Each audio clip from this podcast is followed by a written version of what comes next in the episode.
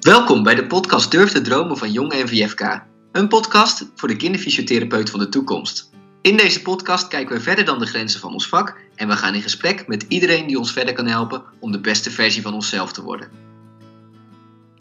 Vandaag in aflevering 11 gaan we in gesprek met Maggie de Bree, fysiotherapeut werkzaam bij de Hoogstraatrevalidatie. Wij gaan met Maggie in gesprek over onbegrepen pijn- en vermoeidheidsklachten. We hebben vandaag een speciale oproep. Geniet jij ook zo van deze podcast en zou je het leuk vinden op mijn plekje te zitten achter de microfoon?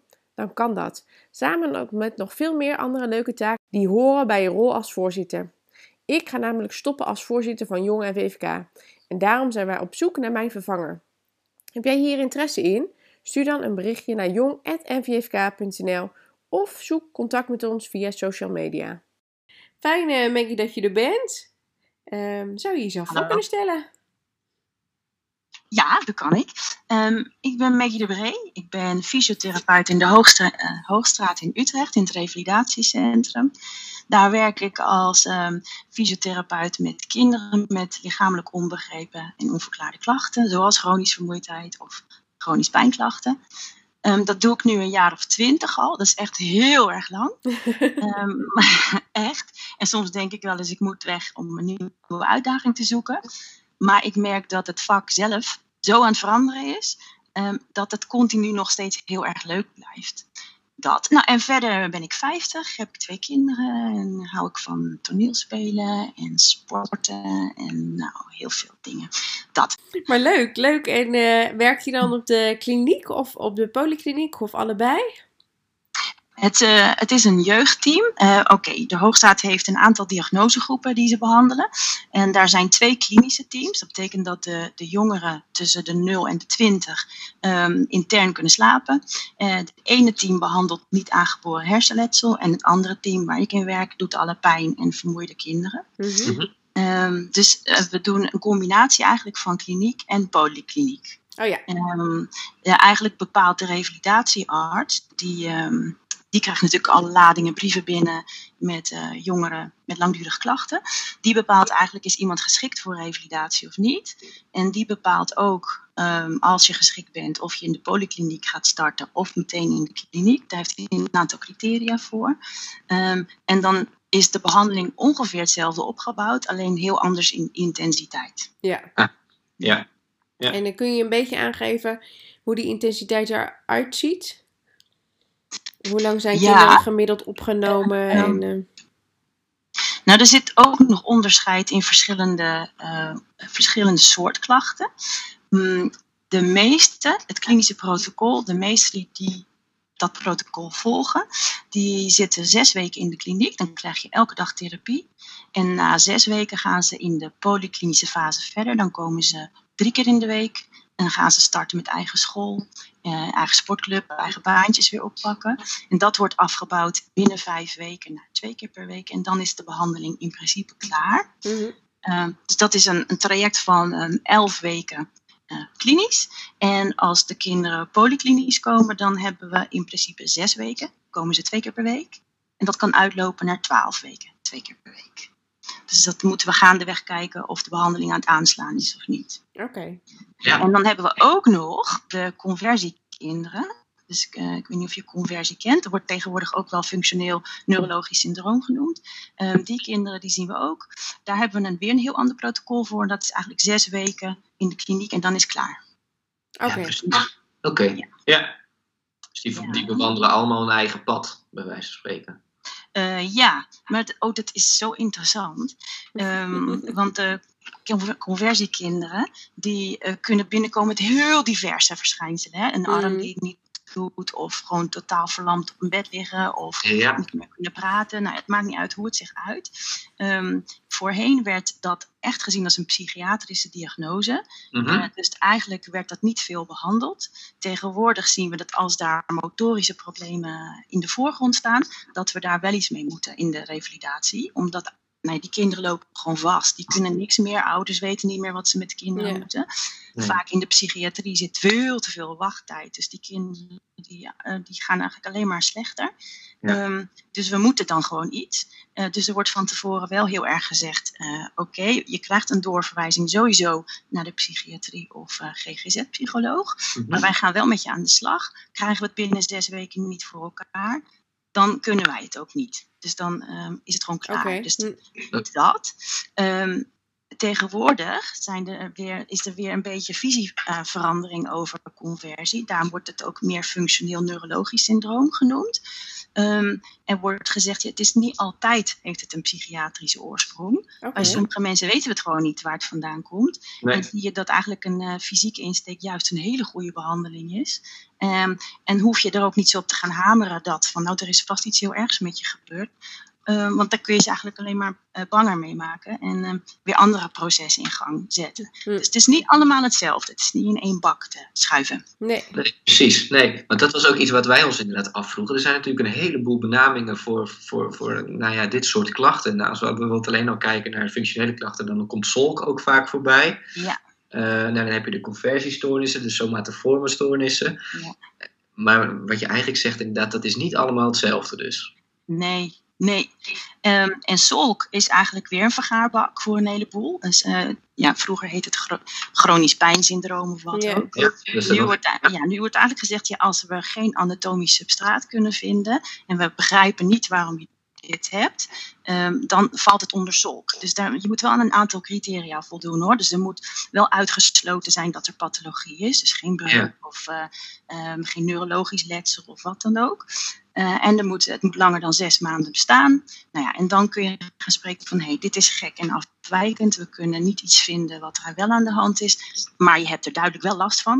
We snappen het niet. Dus die gaat ook zeggen als medicus, ehm, ja, misschien weten wij het gewoon nu nog niet. En over twintig jaar kunnen we zeggen, oh, dat was er aan de hand. Hm. Ja. Maar jij moet nu geholpen worden, dus we gaan je nu helpen. Proberen. Ja, precies. Ja.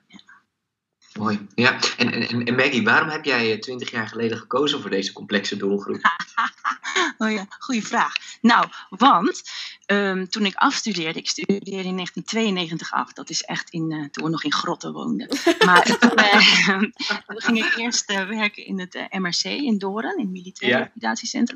Daar ging alle diagnosegroepen door elkaar heen, amputaties en hersenbloedingen. En nou, van alles zag ik, daar was een hele goede basis. En het viel me op dat er altijd een paar revalidanten tussen liepen, waarvan ik dacht, nou, het klopt helemaal niet wat jij doet. Het is heel raar wat je doet. En dan, ging, het- dan, dan wist ik ook niet zo goed wat ik ermee moest. En eigenlijk was ik ze continu aan het betrappen. Van, hé, jij zegt dat je niet kan lopen, maar als ik even niet kijk, loop je in die brug of zo, weet je wel. Je, je doet gekke dingen. Dus het ging een beetje in mijn irritatie zitten, maar ook dat, nu is dit. Ehm, toen werd ik eigenlijk wel geïnteresseerd. In die periode, een paar jaar later, kreeg ik zelf last van eh, een pijnklacht. En eh daar ben ik mee naar de dokter gegaan en ik zei, ik pijn en ik maak me veel zorgen. En dan zei de dokter, nou, het is niet, het is niet wat je denkt dat het is. Het is geen eh, trombose of zo. En dan, en dan stond ik weer buiten en dan dacht ik, ja, fijn dat dat het niet is, maar waarom heb ik dan pijn? Dus toen ging ik eigenlijk begrijpen, ja, die mensen die pijn hebben of iets, die maken zich echt heel veel zorgen. Hm. En die zijn niet geholpen doordat iemand zegt: nee hoor, het is dat niet. Want dan weet je nog steeds niet wat er met je aan de hand is. Dus ik dacht, ja, ik wil gaan zoeken. naar hoe krijg ik die mensen weer in beweging eigenlijk? En toen dacht ik, dat is interessant. En nu ik, eh, nou, toen kwam ik uiteindelijk in de Hoogstraat te werken op de kinderafdeling. En toen dacht ik, ja, dat, dat is wat ze zoeken. Die mensen die daar komen, die zijn ehm, echt al jaren soms Hm. van de ene specialist naar de ander. En elke specialist die zegt, nou, maar het is niet dat. En het is ook niet dat. Nee, het is ook niet dat. En je ziet dat er een soort wanhoop komt. Van, oké, ze zeggen dat ik gek ben. Ze zeggen dat het tussen mijn oren zit. En ik, nee, maar daar gaat het niet om waar het zit. Uiteindelijk zit alles tussen je oren. Ehm, maar je wil weer... Je wil weer een toekomstperspectief krijgen. En je ziet dat ze heel vaak ook moeten klachten er maar gaan overdrijven. Van ik heb echt heel veel pijn. Weet je wel? Dus je, die eigenlijk onbedoeld gaan de medici de klachten helpen in stand houden of vergroten. Ja. Ehm, en het, de aandacht komt steeds maar te liggen op wat niet meer kan. Terwijl als je gaat behandelen, wil je gaan kijken: oké, wat kan jij nog wel? En daar, daar moet je eigenlijk mee gaan starten. Maar daar is, in, ehm, ja, daar is vaak geen ruimte voor. Omdat we het zo echt zo gescheiden hebben. Ja. We, vaak als artsen zeggen, nou het is, eh, het is echt wel psychosomatisch. Bij jou gaan we naar de psycholoog. Maar daar zie je ook weer dat de psychologie niet altijd aansluit. Dus dan krijgt de psycholoog een heel vermoeid kind voor zich. Of een heel, Ja. iemand veel pijn. En zegt ja, maar wat wil je van mij dan? Ja, dat weet dat kind zelf ook nog helemaal niet. Dus ehm, het, het is, je, wij zitten daar precies tussenin, denk ik. Qua, qua het werk wat we dan doen. Ja. Maar ja, waarom ging ik dat dan doen? Omdat ik het dus steeds interessanter vond. En nu ik dat dus eh, een jaar of twintig doe, merk ik, oh, hier gaat het steeds om. Je herkent bepaalde thema's die terugkomen. Eh, en dat herken ik nu steeds sneller. Waardoor je ook weet, oh, dit is nodig. Of dat is nodig. Dat kan ik wel, dat kan ik niet. Ja. Want dat moet je eigenlijk ook heel goed weten als therapeut. Wat je kan en wat je niet kan. Ja, ja. En je gaf net in het begin gaf je al heel duidelijk aan dat er heel erg veel heel snel aan het veranderen is. En dat dat ook voor jou heel interessant eh, houdt. Eh, en ik ben dan heel erg benieuwd, wat zie jij dan zo sterk veranderen in de afgelopen tijd? Nou, oké, als ik echt over twintig jaar geleden praat, daar eh, hadden we nog eigenlijk geen behandelprotocollen. Dus dan kwam er een kind met pijn. En het kon zijn dat dat kind wel een jaar in behandeling was. Hm. En dat het aan het eind van dat jaar alles kon, rennen, springen, waar, waar. Maar dan zei hij nog steeds, ja, maar ik kan nog niet zitten. Ik heb nog wel pijn in mijn rug als ik zit. Dat je denkt, jeetje Mina, hebben we het hiervoor gedaan? Er is niks veranderd, er is niks in beweging gekomen. Eh, toen kwamen natuurlijk ook de verzekeringen. Die zeiden, ja, het moet allemaal wat minder duur. Dus we gingen in protocollen werken. Dat, dat, daardoor kon het korter. Konden we onszelf eh, wat beschermen. Dat je niet eindeloos aan het Mm. behandelen blijft. Maar dat je zegt, nou, we gaan dit proberen. We gaan met die doelen werken. Ehm, zo, dus toen hadden we een protocol wat 24 weken duurde. Dus dat was de helft van wat, het, eh, wat daarvoor was. En, en toen merkten we eigenlijk, waarom 24 weken? Wa- wat maakt dat Mhm. wij hebben bedacht dat in 24 weken iemand kan veranderen? Kan dat echt niet sneller? En toen zijn we als behandelteam daarover gaan nadenken van ja, kan dat sneller? Een lichaam heeft toch een bepaalde tijd nodig om te herstellen? Hm. En toen merkte ik, oh, maar dan zitten we in onze eigen valkuil. Want natuurlijk een gebroken been, als dat beter moet worden, Ja. duurt zes weken. Dus dat heeft geen 24 weken nodig. Dus iemand die pijn voelt al jaren, ehm, hoezo heeft hij dan 24 weken nodig om geen pijn meer te voelen of iets? Dus wij dachten, de beperking zit bij de behandelaars.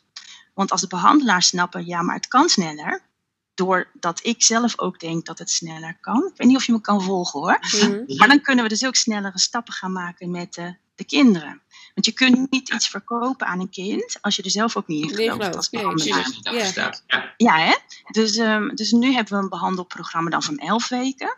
Waarvan we denken, ja, hier kan het in. Om gedragsverandering voor elkaar te krijgen bij iemand. Want daar Ja. praat je eigenlijk over. Eh, verandering in beweging, verandering in denken over bewegen. Dat moet in 11 weken mogelijk zijn. Dus dat is zeg maar het minimum wat wij nu denken dat haalbaar is. Ehm, en niet iedereen redt het hoor in die tijd. Nee. Maar de meeste wel. Ja. En, En en als, wat maakt het dan dat het nu bijna de helft sneller kan? Is dat omdat, ik denk dan bijvoorbeeld, is, is dat omdat er nu meer misschien multidisciplinair gewerkt wordt? Of, of, Nee. aan? Nee, ehm, oké, voorbeeld weer. Hè.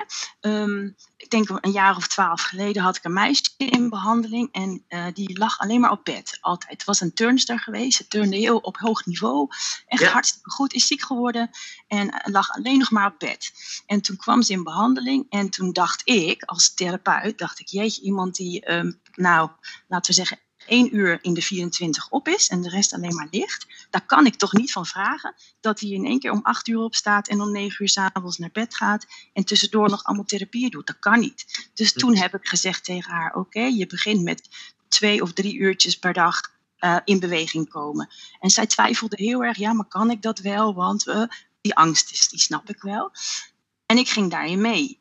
Terwijl nu denk ik: Waarom zou je niet eh, acht uur op bed kunnen zijn uit je bed? Hè? Ja. Dus dat, die stap moest bij mij zitten. Ja, En om, zodat ik het weer aan haar kon zeggen. Ja. Ehm, dus nu zal ik nooit meer tegen iemand zeggen, nou we beginnen met twee of drie uurtjes per dag eh, actief zijn. Maar als jij hier komt, verwacht ik van jou dat je om acht uur opstaat en dat jij na negen pas weer naar bed gaat. Ja. Dus ik, ik maak al een soort verwachtingsmanagement, maar ik moet er wel zelf in geloven. Ja, ja, Ja. Ja, Ja.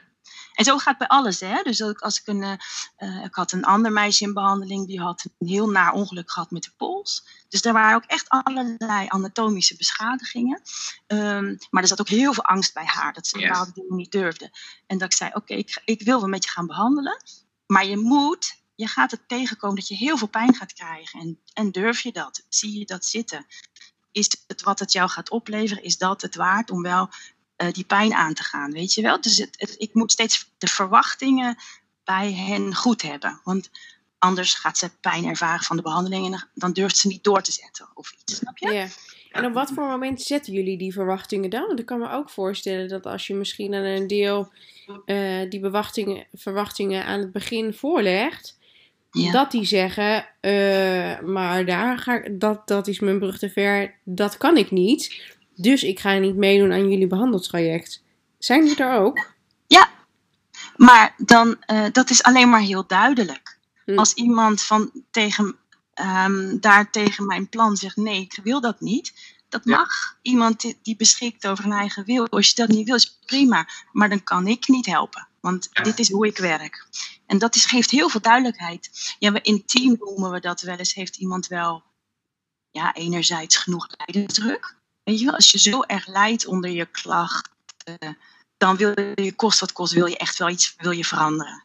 En als iemand wel lijdt onder zijn klachten, maar het ook wel comfortabel heeft, denkt, nou maar zo kan ik ook op 80 worden, dan is de noodzaak om te veranderen minder hoog. Mhm. En dat is ook oké.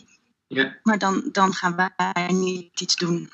En, en werken jullie allemaal binnen jullie team op dezezelfde wijze? Of, of Ja, wisselt dat? Dat, mo- dat moet echt. Zodra er iemand in het team zeg maar twijfelt, Ja. eh, ja, dan, dan voelt een patiënt of de ouders, die voelen dat. Ja, En ja, dan werkt het niet. nee. Nee.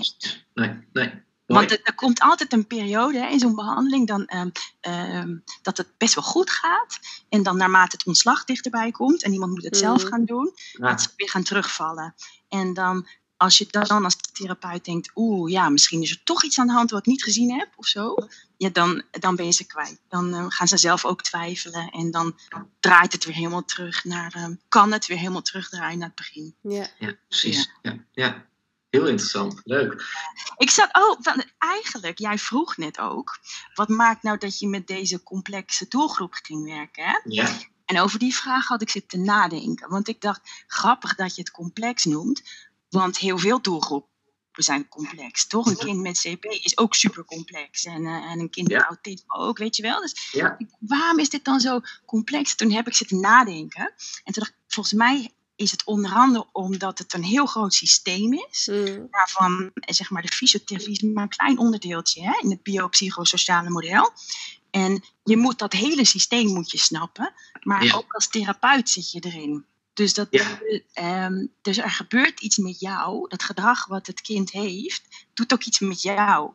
En, en dat is volgens mij het stukje wat het, ehm, denk ik, wat je met complex bedoelt, of niet? Ja, en, en wat natuurlijk ook wel vaak is, is dat het soms onbegrepen is. Dus eh, ik denk dat het voor veel kinderfysiotherapeuten dat het soms lastig is om je vinger erop te leggen van nou waarom, als we bijvoorbeeld dat voorbeeld van net met het meisje die, of, of, of een kindje die niet, niet wilde lopen, maar als je dan even niet oplette wel aan het lopen was bijvoorbeeld. Ik kan me voorstellen dat het in heel veel situaties, dit herken ik ook vanuit de eerste lijn, dat een kind de knie niet wil strekken bijvoorbeeld, maar op het moment dat je er even niet op let of er even geen aandacht aan geeft, iemand prima kan lopen.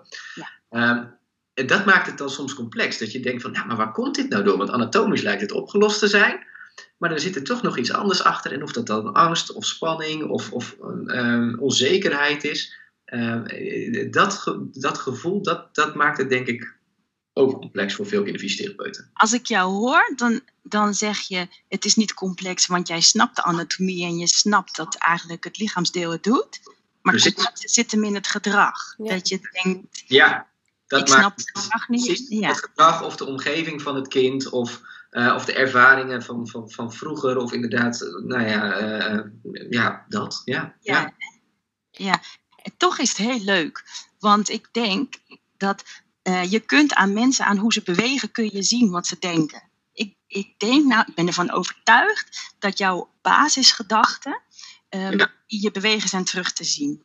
Ehm, even, of, eh, als jij denkt, eh, ik moet op de buitenkant van mijn voeten lopen, want anders dan gaat mijn knie aan gehoord. Dan Mhm. zal je aan het lopen zien dat iemand op de buitenkant van zijn voeten loopt. Ja. Als jij bang bent dat je je rug kapot maakt als je iets tilt, zal je niet tillen, weet je wel? En zo kun je ook, je ziet gewoon wanneer stress optreedt in bewegen, wanneer bewegingen ha- ehm, stroever gaan, of wanneer iemand iets aan het vermijden is. Of, en dat zijn de thema's eigenlijk, als het gaat over vermijden bijvoorbeeld.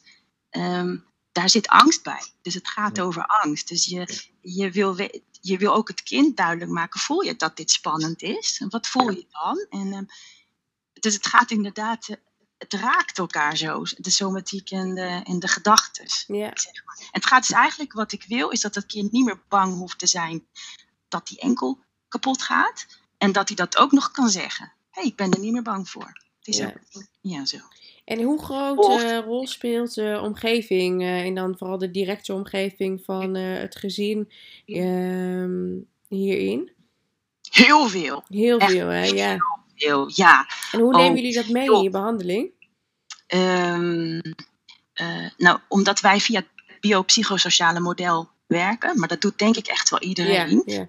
Ehm, maar dat benoemen we direct bij de ingang al. Net als dat we zeggen, we verwachten dit als je de behandeling aangaat, zeggen we ook, wij denken als jij hier komt, dan zijn jouw klachten zo ingewikkeld dat, dat het lichaam zelf niet aan herstellen toekomt. Want elke Nee. klacht, zeggen wij, kan normaal herstellen, alleen bij jou gaat het niet. Dus ergens zit er een energieslurper. Dus we moeten uit gaan zoeken, waar zit die? Eh, zit die eh, in je lijf? Denken we niet, want dokters hebben dat allemaal uitgesloten.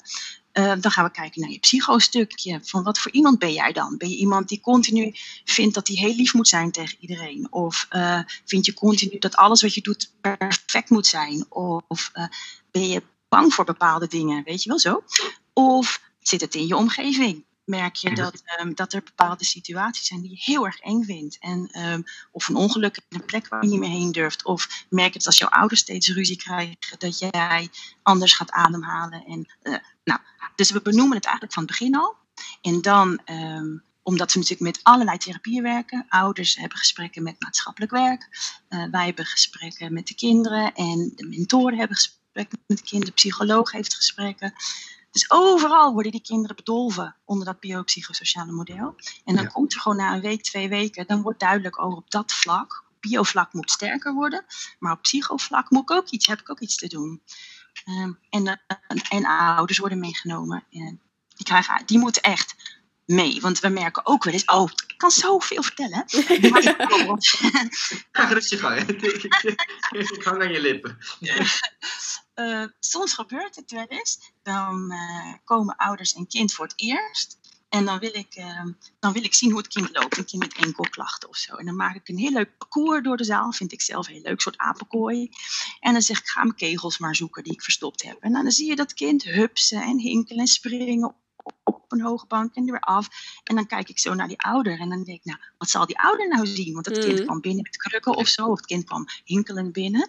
En dan, en dan af en toe zeggen ouders, ja, ik zie wel dat ze pijn heeft hoor. Want, Mm. En dat ik denk, hé, hoe kun je nou daarop zitten letten, terwijl de motoriek is eigenlijk van een gezond kind. Dan denk ik, oh, die ouder ziet dus echt oprecht niet eh, de, de andere kant of zo. Die, die is meer bang voor, ja, maar als ik het kind zo thuis heb, dan Ja. eh, huilt het weer van de pijn. Dan denk ik, oh, grappig, ik moet die ouder echt iets ook anders gaan leren kijken en Ja. denken. En dat kind voelt dan weer, oh, mijn moeder is bang dat ik meer pijn heb. Oh, dus ik ga nu maar stoppen dan. Dus je ziet gewoon een, eh, een hele reactie, ja. Ja, ja. Zijn ouders er daarom ook vaak bij dan bij jullie tijdens de behandelingen? Of hoe, hoe gaat dat in zijn werk? Eh, verschilt. Bij het begin altijd, want ik wil inderdaad zien hoe reageert het kind als de ouders erbij zijn. Mhm. Ehm, ehm, dan ehm, eh, doen we een poosje niet. Dus dan heb ik, wil ik alleen het kind hebben. Dan wil ik zien, nou, hoe ben jij en hoe beweeg jij? En dan vraag ik ouder vaak weer terug. Om, te Ja. kijken, ja, verandert het weer? Maar dat doe je volgens mij in de eerste lijn ook wel. Mm. Ehm, maar wat we ook wel doen in het klinische protocol, is dat, we, dat, dat ik een combinatietherapie doe met de maatschappelijk werkster. Dus dan Mhm. vragen we ouders om te komen en Ja. dan laat ik het, het kind en de ouders samen iets doen, een oefening. En dan zie je gewoon zoveel gebeuren. Dan kan je bijvoorbeeld zien dat, ehm, dat ouders super competitief zijn of zo. En dat ze dan zeggen tegen kind, kom op, niet zeuren, kom op, mee of zo, weet je wel. Of, ehm, of je ziet dat de, de, dat de ouders alleen zeggen, hoe ga jij maar zitten? Hoe doe jij maar vooral Mhm. niks of zo. Je ziet Oeh, gewoon je beetje patronen die gebeuren. En Ja. dat is voer voor de maatschappelijk werkster om in te gaan eh, in gesprekken voor de ouders. En, en je kunt benoemen, goh, als jouw ouders dit doen, doe jij dat? Herken je dat? Weet je wel? Eh, Maar, en dat stukje ligt dus echt bij de maatschappelijk werkster, begrijp ik, of werker. ook. Die is- gaat met de ouders aan de slag. Ja. ja, daar ligt het meeste. Ja. En, en als kinderfysiotherapeut, eh, eh, voeren jullie gesprekken met de ouders daarover? Ja, ehm, nee, ik doe, hoe het wisselt. Ik doe oudermodules, dus ik geef één keer in de paar weken geef ik een, eh, een- avond aan ouders waarin ik probeer uit te leggen ook aan ouders dat hun gedachten mede bepalend zijn voor het gedrag Ja. van het kind. Dat ze dat heel erg gaan zien. Ik leg uit hoe het programma werkt. Dus dat de kinderen een soort basisbelastbaarheid krijgen. Dat ze zich daar moeten houden. Maar als de klachten dan niet reageren, dat we echt gaan kijken naar andere factoren. Dus ouders horen eigenlijk hetzelfde als de, de kinderen. Ehm, soms laat ik ze meekijken. Als de maatschappelijk werker wat minder betrokken is, dan zal ik toch echt wel bepaalde thema's aan moeten gaan. Ehm, ja, dan, dan zal ik toch moeten zeggen, het valt me op dat, eh, dat als jij heel voorzichtig bent, dat je kind krampachtiger gaat bewegen. Herken je dat? Is niet altijd, wordt niet altijd makkelijk, zulke gesprekken. Soms wel hoor. Sommige ouders vinden het heel fijn. Mm, maar ik heb ook wel eens gesprekken die vastlopen. Ja. Ehm, dat, nou ja, een moeder, die vond ik echt oh, vond ik zo hartverscheurend. Eh, dat was een jongen die had echt loopproblemen. Die zat echt in de knoop. En ik zei, ja, maar en eh, ik denk echt dat het probleem bij je zoon te maken heeft met, eh, met andere factoren op psychologisch vlak. En toen noemde ik wat voorbeelden. En toen zei ze, ja, maar mijn zoon huilt nooit. Dus er is niks aan de hand daar. Dat ik dacht, oh, je ontneemt je kind echt een kans hier Ja, om, om daar iets mee te willen. Dat vond ik zo triest. Hm. Mag niet zo. Ja, ja. ja, en waar ik ook nog heel erg nieuwsgierig naar ben, je noemt inderdaad heel leuk je eh parcours en ehm, eh, veel observeren en het kind uitdagen en laten ervaren. Ehm, behandel jij nog wel eens hands-on? En wanneer wel en wanneer niet? Nee. Ja, En wanneer ja. kies je ervoor om dat wel te doen en wanneer kies je ervoor om dat niet te doen? ehm, in eerste instantie niet. Sowieso niet, omdat ik denk dat hands-on therapie maakt heel afhankelijk. Mhm. Want dan denkt het kind, ik ben beter geworden door die massage. Of ik ben beter geworden door die, doordat Maggie dit bij me deed. En Mhm. dat maakt dat als de behandeling stopt, het kind nooit heeft gevoeld, ik kan het zelf. Dus er, ze moeten gaan zien welke rol ze zelf hebben in hun genezingsproces. Soort van. Ehm, soms doe ik het wel. Soms wil ik gewoon, weet je, eh, pff, jawel, ja, ik doe bijvoorbeeld ontspanningsoefeningen wel. Dat, dan wil ik ze iets laten voelen. Dus dan gebruik ik mijn handen om hen te laten voelen hoe hun lichaam reageert. Mhm. Heel soms merk ik, ja, dan zit er toch, weet je, in die enkel die dan uiteindelijk wel belast wordt, dat je merkt, oh, er zit toch aan het einde een dorsaalflexiebeperking. Dus ik moet hem wel even mobiliseren. Dus dan, eh, dan doe ik dat, en, en dan, maar dan laat ik direct erna voelen, kijk, je kunt hem nu meer gebruiken. Nu moet jij het weer gaan inzetten. Weet je wel, dus het hangt heel erg vanaf ja, wat mijn doel is. ja, Ja, ja, ja, ja, ja. precies. Maar het is, ik vind het goed om te horen dat het eh, niet per se uit en boos is. Ik heb ook wel eens het gevoel gehad dat het eh, op het moment dat eenmaal een kind aan een, ehm, nou ja, bijvoorbeeld zo'n klinisch traject ehm, begint, waarbij er dus een soort van stempel of een stempel solk bijvoorbeeld is gegeven. Dat, Ja. dan het, eh, ehm, dat er dan eigenlijk geen ruimte meer is voor hands-on therapie. Want dat is allemaal al gedaan, dat is allemaal uitgesloten. Dus dat, dat is geprobeerd, dat, dat laten we achter ons. Terwijl ik soms ook wel denk, ja, we moeten natuurlijk ook wel ehm, we moeten daar heel kritisch naar kijken of dat inderdaad. eh, Of je niet nog een kleine voorwaarde moet geven voor het kind om het dan wel te kunnen gebruiken in deze situatie. Waarin Ja. het zi- hem misschien eerst niet verder kon helpen, omdat de rest van de zorg niet goed genoeg aansloot. Maar dat het misschien wel nodig is om net een beetje verder te kunnen komen. En het moet Ja. niet alleen maar zijn. Ehm, Ja. ja. Ja, ik snap je heel goed. Ik heb ook wel eens ehm, gewoon ehm, een meisje wat aanraken moeilijk vond. Weet je wel, dat je merkt dat eigenlijk alles wat aanraakt ingewikkeld is. Dat je gewoon een soort bindweefselmassage ging doen. Maar niet met het doel wat, van bindweefselmassage om uh, vegetatief te normaliseren. Maar wel eens om te kijken, ja, hoe reageert dat nou? En voelt zij als we dit doen, dat er daarna iets verandert. En dat het oké is, dat het niet schadelijk is. Dus dat is een ander doel. Maar dan zit ik er wel aan. Ja. Ja. Ja. En ook um, pas geleden deed ik een meisje na een auto-ongeluk. Um, die, die, dat deel van haar lijf wat um, helemaal uh, ge, nou, gebroken geweest was, um, kon ze niet meer loslaten. Dus ik merkte aan haar gezonde kant dat ze helemaal ontspannen was en lekker los. En aan haar aangedane kant was het gewoon één blok spanning. Dat je denkt, dat, hoe bestaat dat in het naam?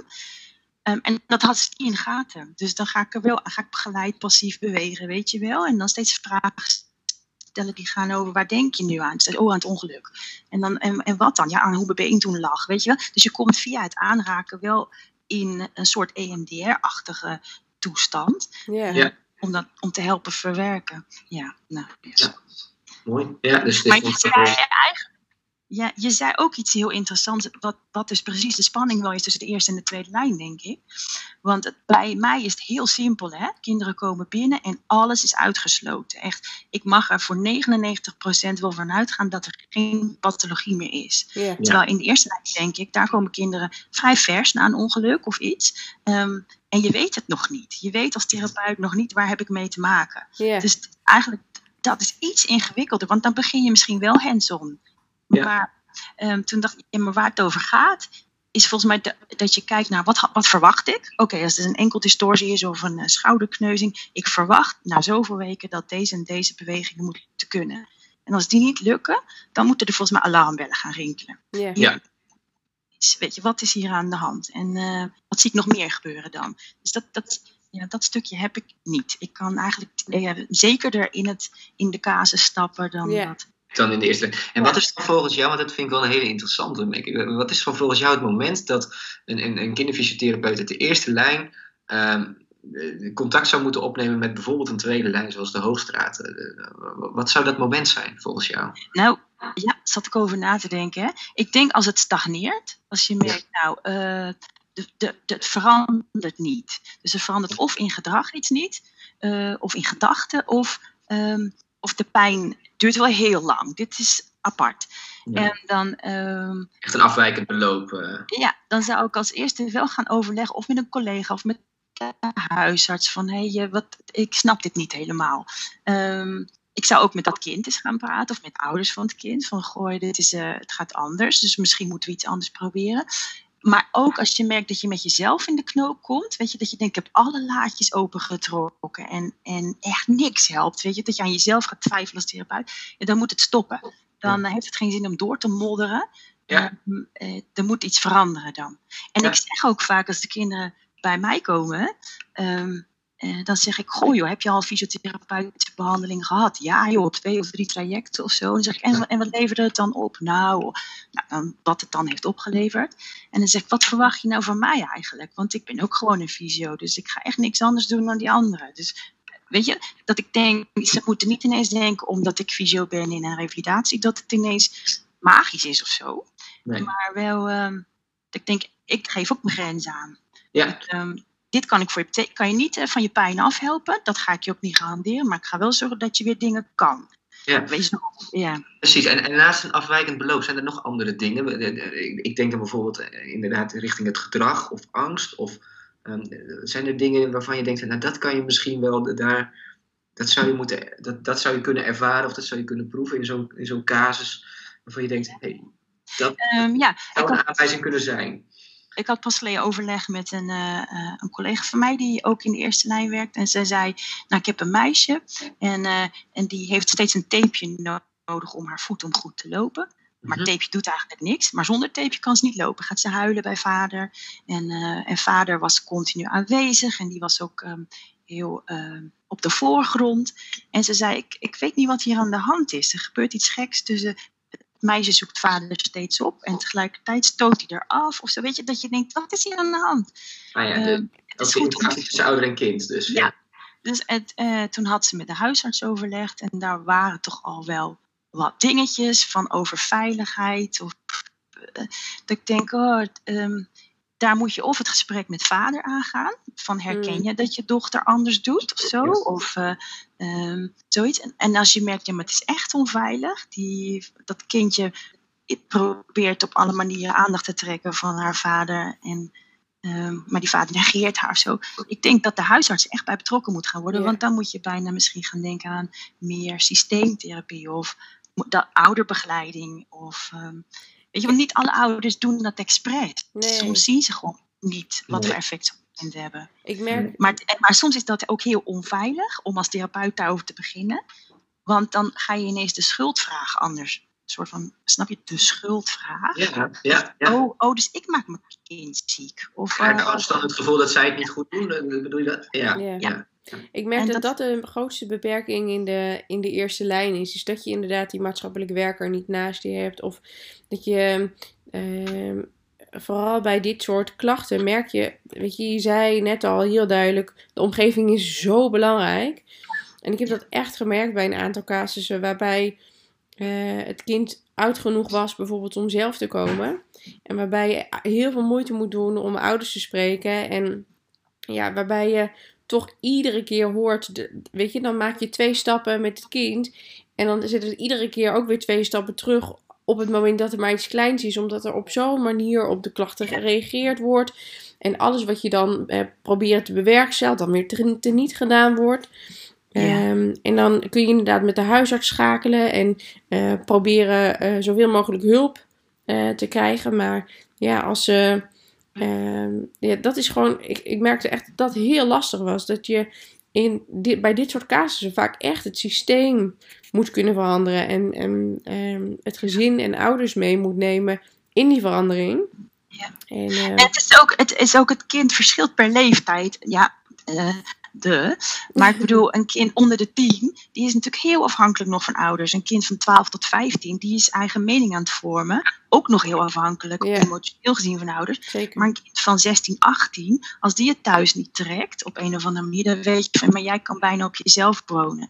En Ja. dan kun je zeggen, jij bent oké zoals je bent. Het is, en het is gewoon een moeilijke situatie waar je in zit. Weet, dan kun je het kind versterken. Maar een jonger kind moet je, ja, daar moet je de omgeving echt bij hebben. ja.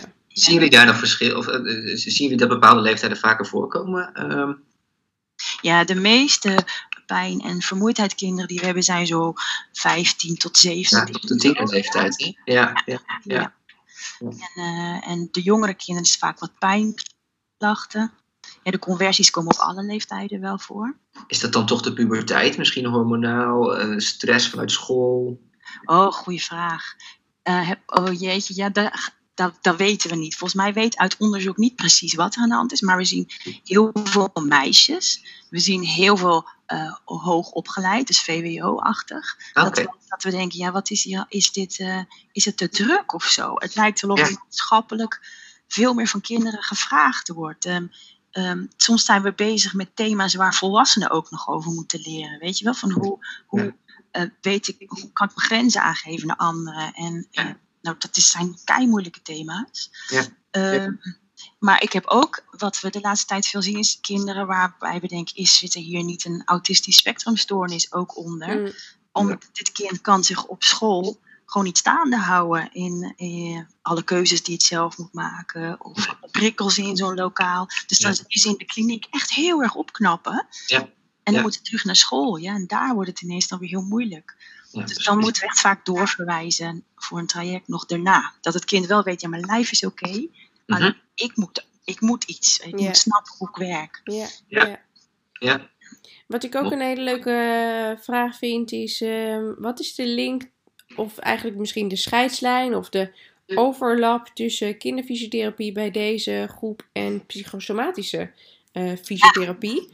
Ja, Eh, je oh, vertelde al dat je daar heel erg mee bezig bent om daar, om daar de samenwerking eh, goed tussen te hebben. En ja, wanneer past iets bij de psychosomatische fysiotherapeut? Wanneer past het beter bij de kinderfysiotherapie?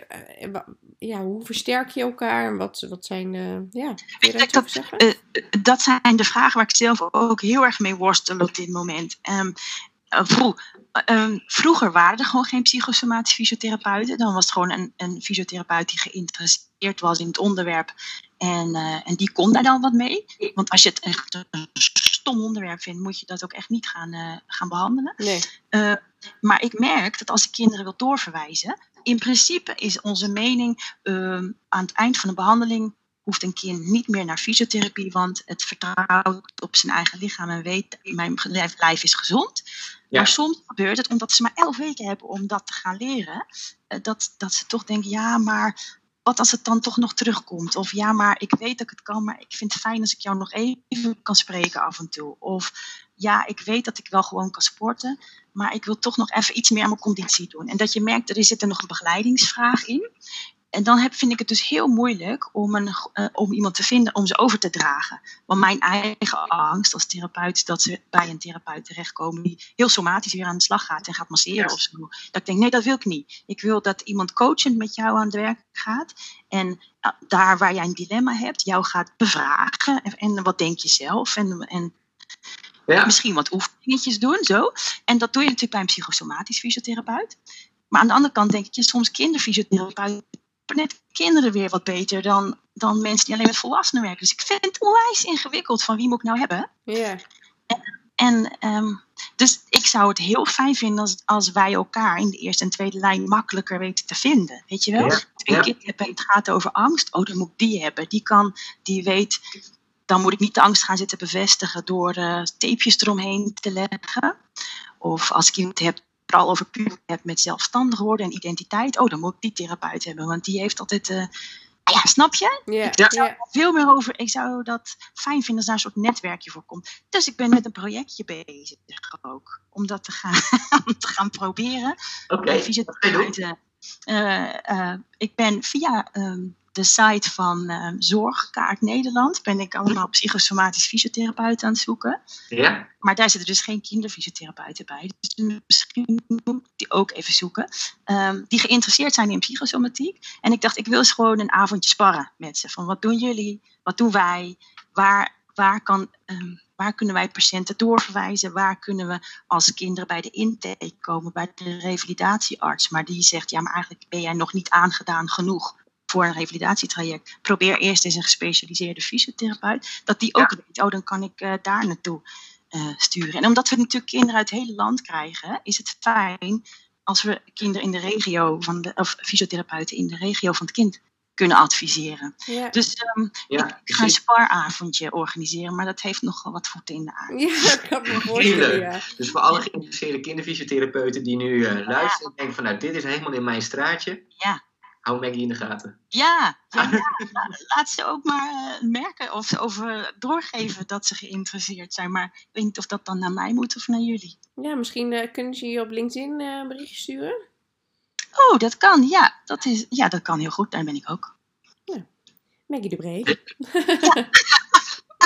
nee, maar dit, wat ik dus inderdaad wel wil zeggen. Dus enerzijds kinderen die eventueel in de eerste lijn, waarbij je het gevoel hebt, hmm, zit misschien meer achter is de, is de stap naar de tweede lijn heel mooi te maken. Maar via de an, an, andere kant ook, op het moment dat ze uh, klaar zijn met het traject in de tweede lijn, is het ook alweer fijn om een kind, of sommige kinderen, ja. uh, terug te verwijzen richting de eerste lijn. Om, ja. om, daar nog wat extra begeleiding te krijgen. Ja. ja. Gewoon dat, weet je, dat als er weer een klacht komt en ze twijfelen of ouders gaan twijfelen, dat ze weten, oh, met één of twee keer gesprekje met die, oh, dan kan ik het wel weer. Dat Precies, is, ja, ja, ja. ja. Ja, waar ik nog echt super nieuwsgierig naar ben, of nieuws, ja, nieuwsgierig naar ben, is: zou je kunnen stellen dat functionele klachten een onderschoven kindje is in onderzoek? Ja. En waarom ja. is dat? Mm, ik denk uh, vanwege dat van oudsher dat alles medisch moet zijn in de fysiotherapie. Hè? Medisch en, en, en aantoonbaar objectief meetbaar. En dit gaat natuurlijk over dingen die niet zo objectief meetbaar zijn. Ja, gedrag is moeilijk maar objectief ik, meetbaar. Ja, ik zat pas geleden te denken, oh ik wijk heel even af van je vraag, maar dat ik dacht, het is zo gek dat we pas over dat biopsychosociale model beginnen als we merken dat het begint af te wijken. Als we merken, oh, wij kunnen in één keer niet meer ons ding doen. Oh, nou dan gaan we het hierover hebben. En dan ga je meteen weer voor mijn idee Um, um, ja, die schuldvraag, zeg maar, dat gevoel een beetje krijgen. Ja. Terwijl ik denk, bij elke patiënt is dat biopsychosociale model van pas. Alleen de een zit veel beter in zijn vel en heeft een veel beter kopingssysteem. En die zal er niet zoveel last van krijgen. En het lichaam gaat normaal genezen. Uh, maar ik dacht, jeetje, eigenlijk zou het helemaal niet erg zijn als elke fysiotherapeut eventjes in kaart bracht alles en, uh, en het ook benoemde. En dat het, weet je, dat een klacht stress kan oproepen. Ja, nou ja, goed. En, en zou, je, zou je dan bijvoorbeeld willen um, tijdens een anamnese dat dat wordt uitgevraagd? Van, uh, is er spanning aanwezig? denk je dat het invloed kan hebben op de klacht? Hoe ga je er zelf mee om? Zijn dat... Ja. Ja, en het hoeft helemaal niet uitgebreid, maar meer om het normaal te maken. Want Ja. eh, eh, dat ging vroeger bijvoorbeeld met conversie. Als die kinderen kwamen, dan was dat heel spannend. Want dan zei, weet je eigenlijk zelf wel wat je hebt? En dan, weet je, dan krijg je verhalen. Nee, ik weet het niet. Eh, terwijl de diagnose gezegd is. Of eh, de psycholoog zegt dat ik gek ben of zo. Ja, en jij bent toch een fysiotherapeut. Maar Ja. ehm, eh, nu zeggen we, jij hebt een conversie of je hebt functioneel neurologische klachten. Dat betekent dat we niks kunnen vinden.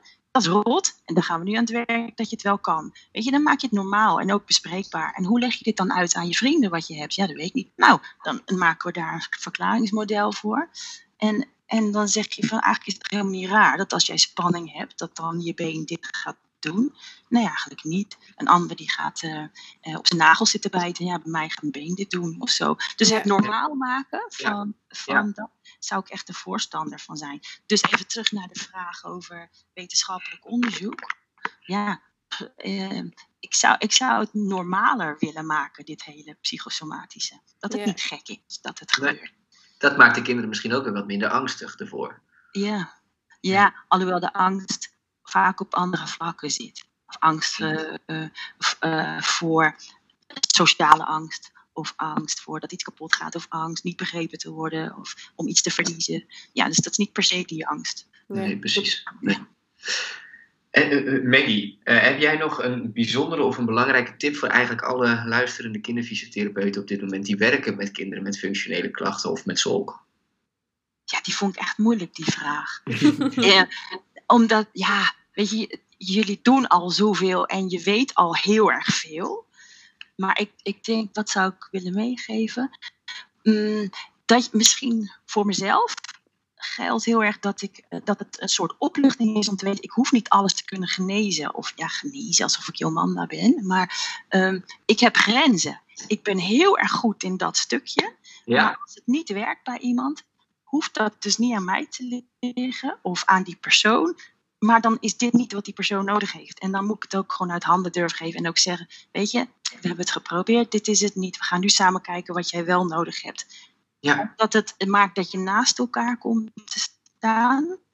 En vaak als jij, als ik gefrustreerd werd voorheen van godsamme, het lukt niet wat ik nu aan het doen ben en dat komt omdat hij zo gek doet, dan kom je tegenover elkaar te staan en zeggen, ja, eh, ik doe dit en jij luistert niet naar mij en, en dan krijg je Ja. een werkbare situatie. En daar is niemand, daar wordt kind niet beter van en, ehm, en ik frustreer alleen maar of zo. Ja. Dus eh, Ja. het open, open houden, dat zou ik vooral willen meegeven. Als je merkt van, hé hey, grappig, tijdens het aankleden ging je wel op je been staan, maar hier vind je het heel eng. En het lukt ons niet omdat je dat gewoon kan. Nou, hoe gaan we dit nou eens even aanpakken? Weet je zo, samen, Ja. Samenwerken. ja, ja, ja, ja, ja. Dus het, echt het, ook het samenwerken met het kind om er uiteindelijk te komen. Maar ik hoor je ook al zeggen, baken af waar jij denkt dat je goed in bent. Ja. Gaat het niet werken samen met andere disciplines, andere kinderfysiotherapeuten? Ja, ja, ja. Want fysiotherapeut, nou, dat is, misschien spreek ik alleen voor mezelf, maar vroeger dacht ik dat ik alles moest kunnen. Maar echt niet, dat hoeft echt niet. dat maakt je sterker, denk ik, als je dat kan zeggen. Ja, Ja. goed zo. Ja, mooie boodschap. Zeker. Heel mooi. Bedankt voor het luisteren naar aflevering 11. Het was een heel fijn gesprek met Maggie over onbegrepen pijn en vermoeidheidsklachten. Zoals we in het begin van de aflevering al zeiden, zijn wij op zoek naar een vervanger voor mij als voorzitter van Jonge VFK. Heb jij interesse? Laat het ons dan weten. Ook als je opmerkingen hebt over deze aflevering of ideeën hebt voor een onderwerp in de toekomst, laat het ons dan weten. Dit kan via een reactie op social media of stuur ons een mailtje naar jong.mvfk.nl. Tot de volgende!